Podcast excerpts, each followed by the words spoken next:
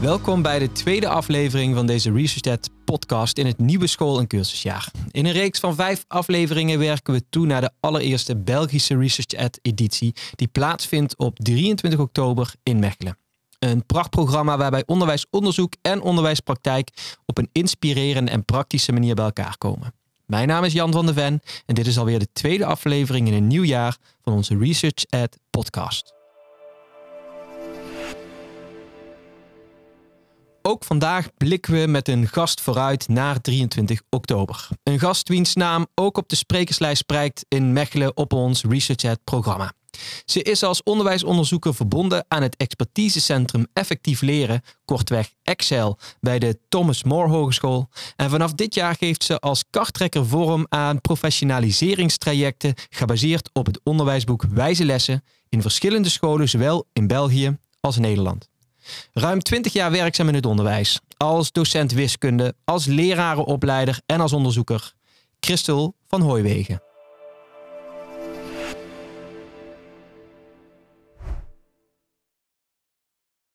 Um, allereerst Christel, uh, welkom. Uh, wat heb jij met ResearchEd? Uh, ik heb ResearchEd eigenlijk leren kennen tijdens mijn masteropleiding aan de Open Universiteit. Voor een bepaald vak mochten we dan congressen bezoeken en mochten we daar dan ook een recensie bij schrijven. En um, het was een enorme eye-opener. In Vlaanderen kennen we dit soort congressen niet. Um, en ik had echt zoiets, ik was onder de indruk van het niveau van uh, de sprekers, van de inhouden die gebracht werden. En ik had toen al iets van, oh, als we nog verder raken in onze professionaliteit, zou ik het heel fijn vinden om zelf ook eens een verhaal te mogen vertellen over mijn ervaringen en mijn opgebouwde kennis. Um, over onderwijs. En uh, zo geschieden. Ik uh, heb al een paar keer de kans gekregen om daar te praten, dus uh, heel fijn.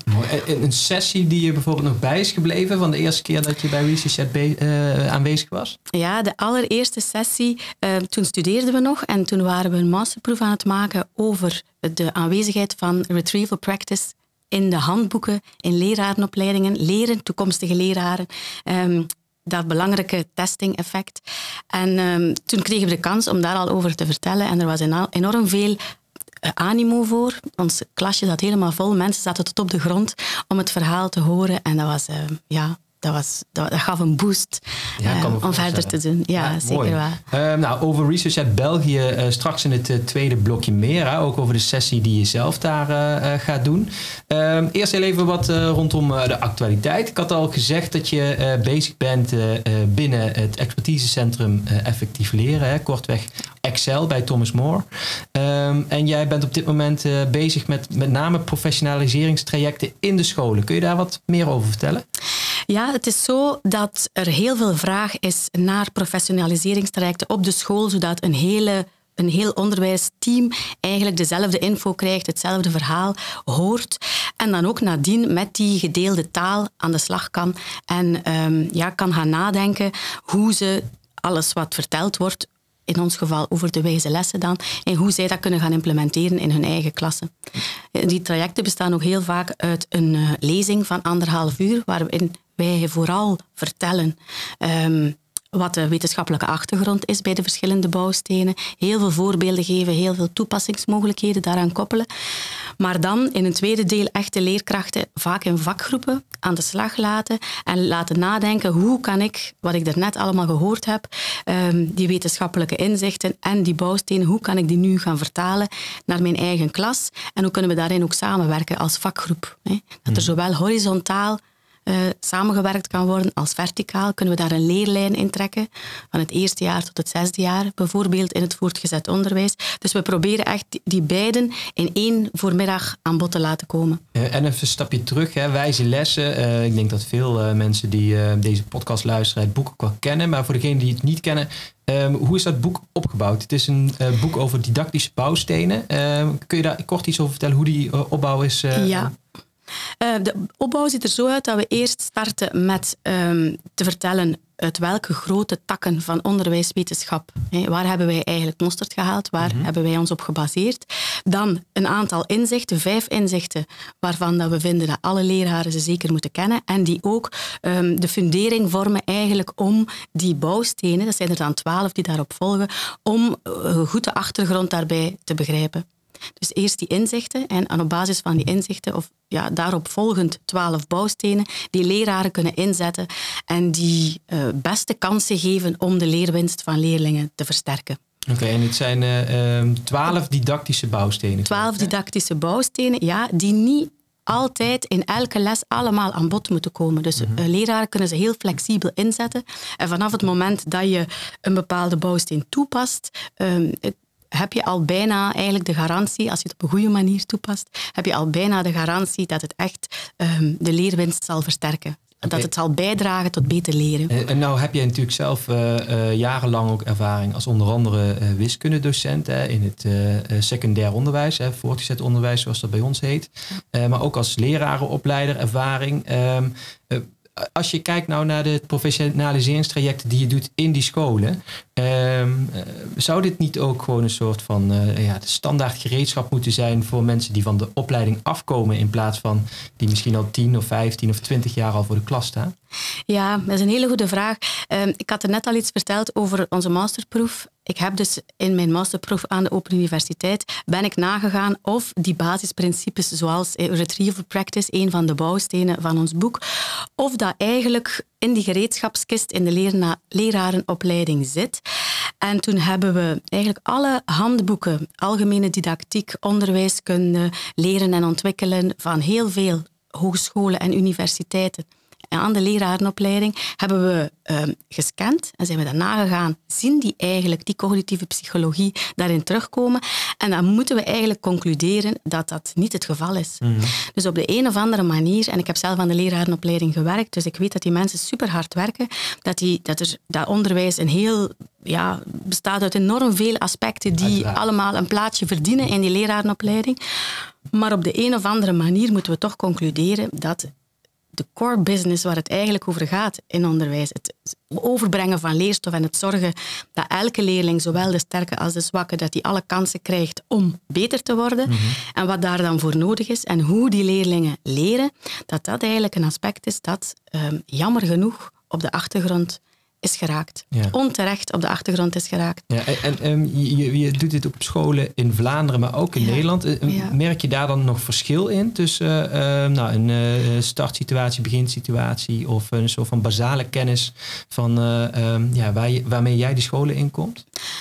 Goh, een echt groot verschil kan ik er eigenlijk niet in benoemen. Het is ook wel zo dat wij, door het feit dat wij voor hele grote groepen praten, dat ehm, dat wij niet meteen als onze lezing begint heel goed de beginsituatie kunnen inschatten. Wij vertellen een verhaal dat blijkbaar heel veel mensen aanspreekt, want de reacties nadien ehm, zijn altijd wel heel positief en mensen pikken er echt heel veel, uit op.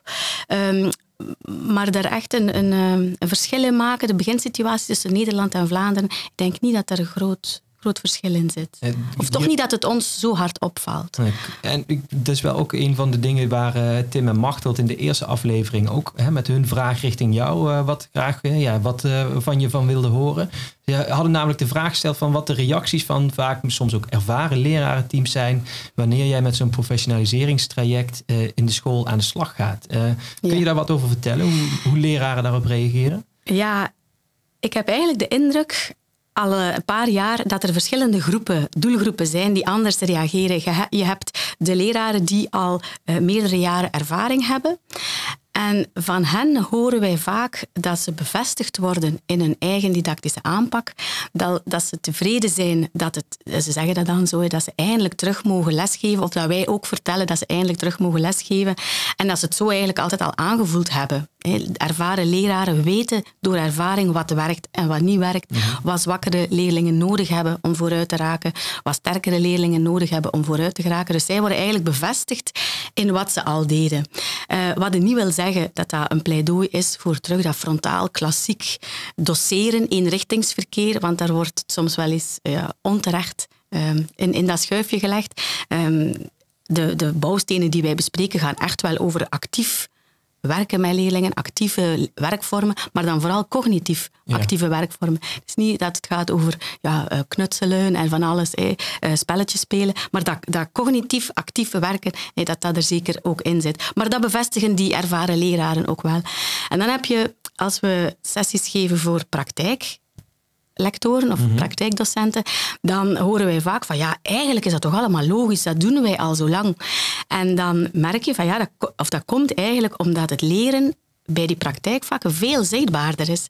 Als iemand in um, schrijnwerkerij hè, een aantal nagels scheef klopt of die, die zagen mhm. hun, uh, hun houtstaven schuin af en dat mag eigenlijk niet, dan is dat direct zichtbaar. Docenten daar gaan ook veel sneller demonstraties geven, ehm, gaan snel van als dat ze merken dat leraar of leerlingen niet uh, mee zijn. Ze merken dat omdat die leerlingen gewoon niet verder kunnen. Dus dat is veel visueel zichtbaarder dan het, het ja, in, in, eh, in de les Frans bijvoorbeeld. dus die praktijklectoren die vinden heel vaak van ja, evident. Veel herkenning. Veel herkenning, ja. En dan heb je de jonge leraren. En als ik met hen praat, dan hoor ik vaak dat zij antwoorden vinden op veel vragen en frustraties waar zij in hun beginjaren uh, tegenaan lopen. Ja. Dat zij bijvoorbeeld niet weten um, dat ja, als zwakke leerlingen uh, telkens de moeilijkste oefeningen willen aanvatten, dat wij dan vertellen dat dat eigenlijk normaal is. Het is Dunning-Kruger-effect, dat de mensen die het minst uh, ja, weten of, of, kennis hebben over hun eigen vaardigheden, zichzelf het minst goed kunnen inschatten bijvoorbeeld, dat zij uh, ja, ontdekken of horen van ons dat ehm, wat ze kunnen doen als, als leerlingen dromen in de klas, van, van waar kan dat komen? Kan het zijn dat de ja, dat, dat, we, dat te veel nieuwe leerstof in één keer is gegeven, de werkgeheugen overbelast geraakt. Dus ze krijgen antwoorden op zaken waar ze vaak tegenaan gelopen zijn. Ja, hele praktische antwoorden. Hele waarmee je de volgende dag of de volgende week ook zelf in de klas mee aan de slag kan. Ja, ja, qua tips zeker, qua voorbeelden. We geven heel veel voorbeelden waar leraren heel snel mee aan de slag kunnen. Mhm. Maar ook inzichten die hen uh, ja, kan helpen als ergens moeilijkheden mee ervaren in een klas. Aanpakken die niet werken. Hoe komt dat dan? En daar vinden ze dan wel vaak de antwoorden op. Ja, mooi. En tenslotte uh, over dit uh, uh, stukje, ehm, Christel. Ehm, je doet dit vaak hè, met lerarenteams in scholen. nu zag ik ook dat er een mogelijkheid is voor leraren die niet het geluk hebben om in zo'n team plaats te vinden. Dat ze ook zelf online een wijze lessen leergang kunnen volgen. Klopt dat? Ja, dat klopt. vanaf dit jaar kunnen leraren basisonderwijs. Het is alleen voor basisonderwijs, mhm. omdat we heel vaak de vraag kregen. Het boek was initieel geschreven voor voortgezet onderwijs. Nu we merken dat zowel docenten in hoger onderwijs als in basisonderwijs er eigenlijk ook heel veel uithalen. En de vraag was gekomen, willen jullie geen leergang ontwikkelen voor de vertaalslag maken eigenlijk met alle voorbeelden uit basisonderwijs? Ja. We hebben dat gedaan. Nu um, hebben we dat in de vorm van een online leeromgeving gegoten. En docenten kunnen dus um, op eigen initiatief een heel jaar professionaliseren in een mhm. online leeromgeving, um, waarin dat ze de bouwstenen kunnen verwerken via altijd eerst de activatie van voorkennis, teach what you preach. Ja, um, wij brengen de inhouden over met filmpjes, veel teksten, um, opdrachten, oefeningen. Ze kunnen ook echt nog de diepte in als ze nog verder um, willen, uh, ja, zich willen verdiepen in een bepaald onderwerp. Um, en dan krijgen ze ook de tijd om in hun eigen klas echt die bouwstenen te gaan toepassen. Daarin gaan wij nog ook, ook hun ondersteunen. Um, en dan krijgen ze ook twee weken de tijd om te proberen een, ja, een beetje een olievlek van goede praktijken te zijn in hun eigen school. Ah, mooi.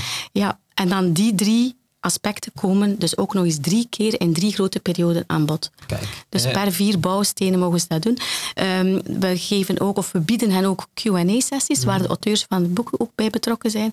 Als mensen ook nog vragen hebben of ergens over willen reflecteren, op regelmatige basis krijgen ze de kans om echt met ons ook in gesprek te gaan. Dus op die manier ook nog interactief? Op die manier interactief, ja. ja. En we willen ook echt inzetten op het flexibel leren, docenten kiezen wanneer dat ze het doen. Het is thuis op een eigen tempo.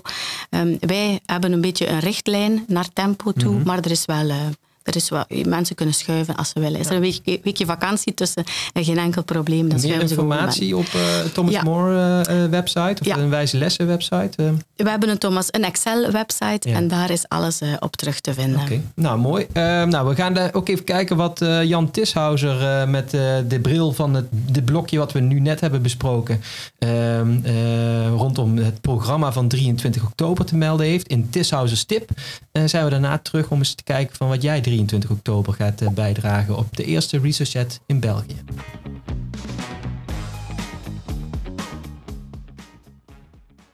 Hallo allemaal. Christel heeft het over het professionaliseren van leraren. Leraren die ResearchChat bezoeken geven natuurlijk het goede voorbeeld. We hebben op deze eerste ResearchChat in België een aantal sessies waarin professionaliseren aan de orde komt. Zowel Letizio Del Bar en Christophe Baco, die in het Engels een presentatie houden over lesobservaties, als een manier om een effectieve lespraktijk te ontwikkelen. Elaine Munten deelt ervaringen in Noorwegen met leraren als onderzoekers. En Stuart Mathers deelt ervaring in Engeland met het netwerk van onderzoeksscholen dat daar in samenwerking met het IEF is opgebouwd. Ten slotte wil ik wijzen op de bijdrage van Stuart Keim over de Great Teaching Toolkit, die onder andere door Rob Coe is ontwikkeld. Stuart vertelt over het ontwerp en de ervaringen na de introductie. Er is zoals altijd weer veel te leren op deze komende Research Chat. Ik hoop jullie allemaal in levende lijf te ontmoeten op 23 oktober aanstaande. Tot dan! Mooi. Um, nou, dat was weer een mooie tip van, uh, van Jan. Um, op 23 oktober in Mechelen dus ook een sessie uh, van jou, uh, Christel. We hebben een hele kolom van wijze lessen sessies. Paul Kiersner komt daar, Gino Kamp, we hebben Tim Surma, Dominique Sluismans. Maar dus ook een sessie van jou. Um, jouw sessie heeft als titel Nieuwe leerstof verwerven op een effectieve, efficiënte en succesgenererende manier. Kun je een uh, tipje van de sluier oplichten alvast? Ja, het is een hele mond vol, de titel alleen al.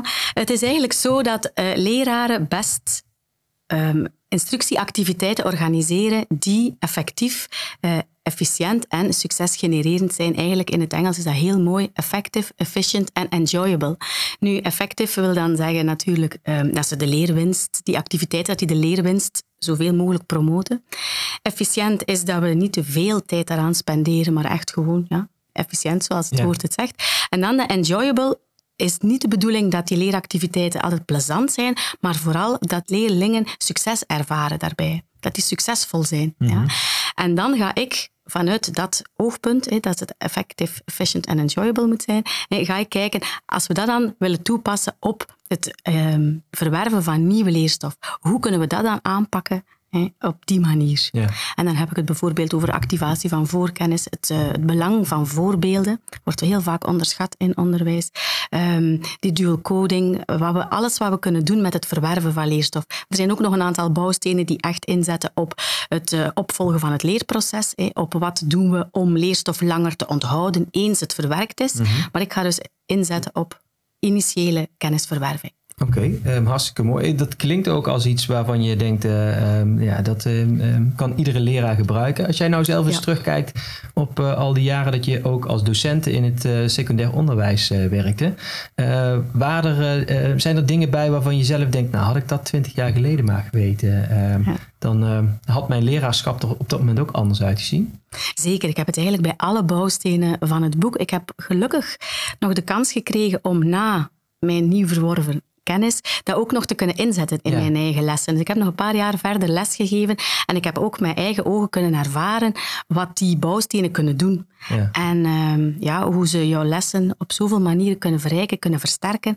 En um, dus dat heeft eigenlijk alleen maar mijn motivatie om daar verder mee te gaan en om dat verhaal verder te delen met collega-leraren alleen maar versterkt. En, en, put je dan ook uit die ervaring, bijvoorbeeld als het gaat om de, eh, het eh, belang van concrete, eh, van goede voorbeelden? Ja, um, ook uit eigen voorbeelden?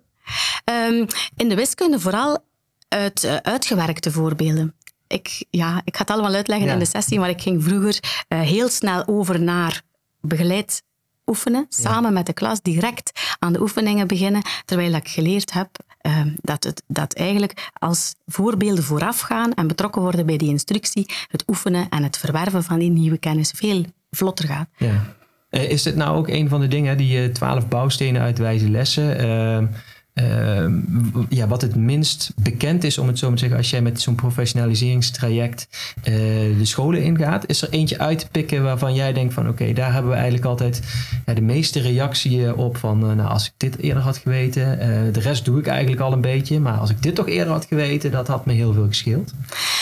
Um, goh, heel veel docenten weten bijvoorbeeld dat het spreiden van leerstof in de tijd, dat dat beter werkt dan eh, in één keer alles samen zien en dan niet meer laten terugkomen. Maar dan stellen we heel vaak de vraag van, iedereen weet dat, dat is algemene kennis, maar pas je dat ook echt toe in jouw eigen lessen? Als je een hoofdstuk hebt verwerkt, hebt verwerkt in september, wordt daar ooit nog naar teruggegrepen voor je examens of je grote proeven in december? En dan wordt het vaak heel stil in de zaal en zeggen ze, ja, eigenlijk niet. Eigenlijk blokken wij ook onze hoofdstukken en ons leerstof. Hè? En uh, met de beste bedoelingen allemaal. Maar we, ja, we zetten ze wel vaak aan het denken van, ja, inderdaad, sommige zaken die we al weten, passen we eigenlijk nog onvoldoende toe. Ja. En dan gaan ze in die werksessie nadien aan de slag van ja, pijlen trekken in de jaarplanning. Met, met gespreide herhaling op die manier aan de slag gaan. Ja, Dat is mooi. Um, uh, als je naar het programma kijkt, hè, ik heb het uh, jou ook al laten zien. We hopen ook zo snel mogelijk, misschien bij het uh, lanceren van deze podcast al, dat het helemaal um, nou, in kannen en kruiken is. En dat we er al mee naar buiten zijn gegaan. Maar zat daar een sessie tussen waar je zelf ook heel erg naar uitkijkt om, om als, als luisteraar bij aan te schuiven? Ja, ik ga zeker eens langs bij Tim Vervaat. Hij is een leraar, een Vlaamse leraar basisonderwijs, die heel hard fan is van het mhm. boek Wijze Lessen en die ook op heel veel verschillende manieren heeft geprobeerd om die bouwstenen in te zetten in zijn eigen praktijk. Blijkt heel goed te lukken. Ja. Vanuit de school heeft hij gehoord dat zijn algemene testresultaten op Vlaamse testen echt met 11 of 12 procent gestegen waren. Mooi. Hij, um, ja, hij heeft die bouwstenen echt into practice gebracht en hij komt daar op Research over vertellen en daar, dat, ga ik zeker, dat ga ik zeker volgen. Uh, basisonderwijs, prima onderwijs geloof ik. Hè? Basisonderwijs, ja. Ja, hartstikke mooi. Um, en ehm, ja, ik denk dat wat dat betreft het evidence into practice gedeelte nou, ook wel mooi terugkomt in het, um, in het Vlaamse, de Vlaamse editie straks op 23 oktober. hebben we als Research ook nog wel behard aan gewerkt om ook enkele Nederlandse goede voorbeelden voor, voor te krijgen. heb je het idee dat als jij kijkt naar de, ja, de de, de, scholen, naar de leraren in Vlaanderen. Uh, dat het, het de start is van een, uh, um, ja, van een evidence-informed wind die door het onderwijs heen gaat? Zo? Of uh, is het nog een lange weg te gaan? Ik hoop het. Ik hoop het heel hard. Um, Vlaanderen kent die beweging eigenlijk nog niet. Het is mhm. ook de eerste keer dat jullie met Research Ed naar Vlaanderen komen. En ik hoop dat het de start is van een hele mooie zoals jij het zegt, nieuwe wind in Vlaanderen. Dat het heel veel mensen mag inspireren en mag um, ja, kennis laten maken met wat eigenlijk iedereen al zou moeten weten over ja, onderwijs. Nou, daar gaan we de 23e werk van maken. Uh, volgende week zit Erik Meester, ook spreker uh, in Research at België in Mechelen, uh, hier bij mij aan tafel. Ehm, als je hem een vraag zou mogen stellen eh, die ik mee kan nemen de volgende week, wat zou dat zijn? Goh, ik heb nog niet de kans gekregen om zijn nieuwe boek te lezen, maar ik zou eigenlijk heel graag uh, aan hem willen vragen, wat is de, de basisboodschap die je hoopt dat mensen uit zijn nieuwe boek, Curriculumontwikkeling, wat ze daaruit uh, halen? Nou, dat is een hele mooie. Uh, ik ben zelf druk bezig in het boek, dus die ga ik ook zeker meenemen naar, uh, naar volgende week. Um, Christel, hartstikke bedankt voor jouw deelname aan onze podcast. Uh, we gaan elkaar sowieso zien op de 23 oktober op de Thomas More Hogeschool in Mechelen. fysieke kaarten zijn nog beperkt beschikbaar via de website researchat.eu. online kaarten zijn er onbeperkt. Um, volg ResearchAd via sociale media en de website om goed op de hoogte te blijven. Volgende week een nieuwe aflevering. Tot dan.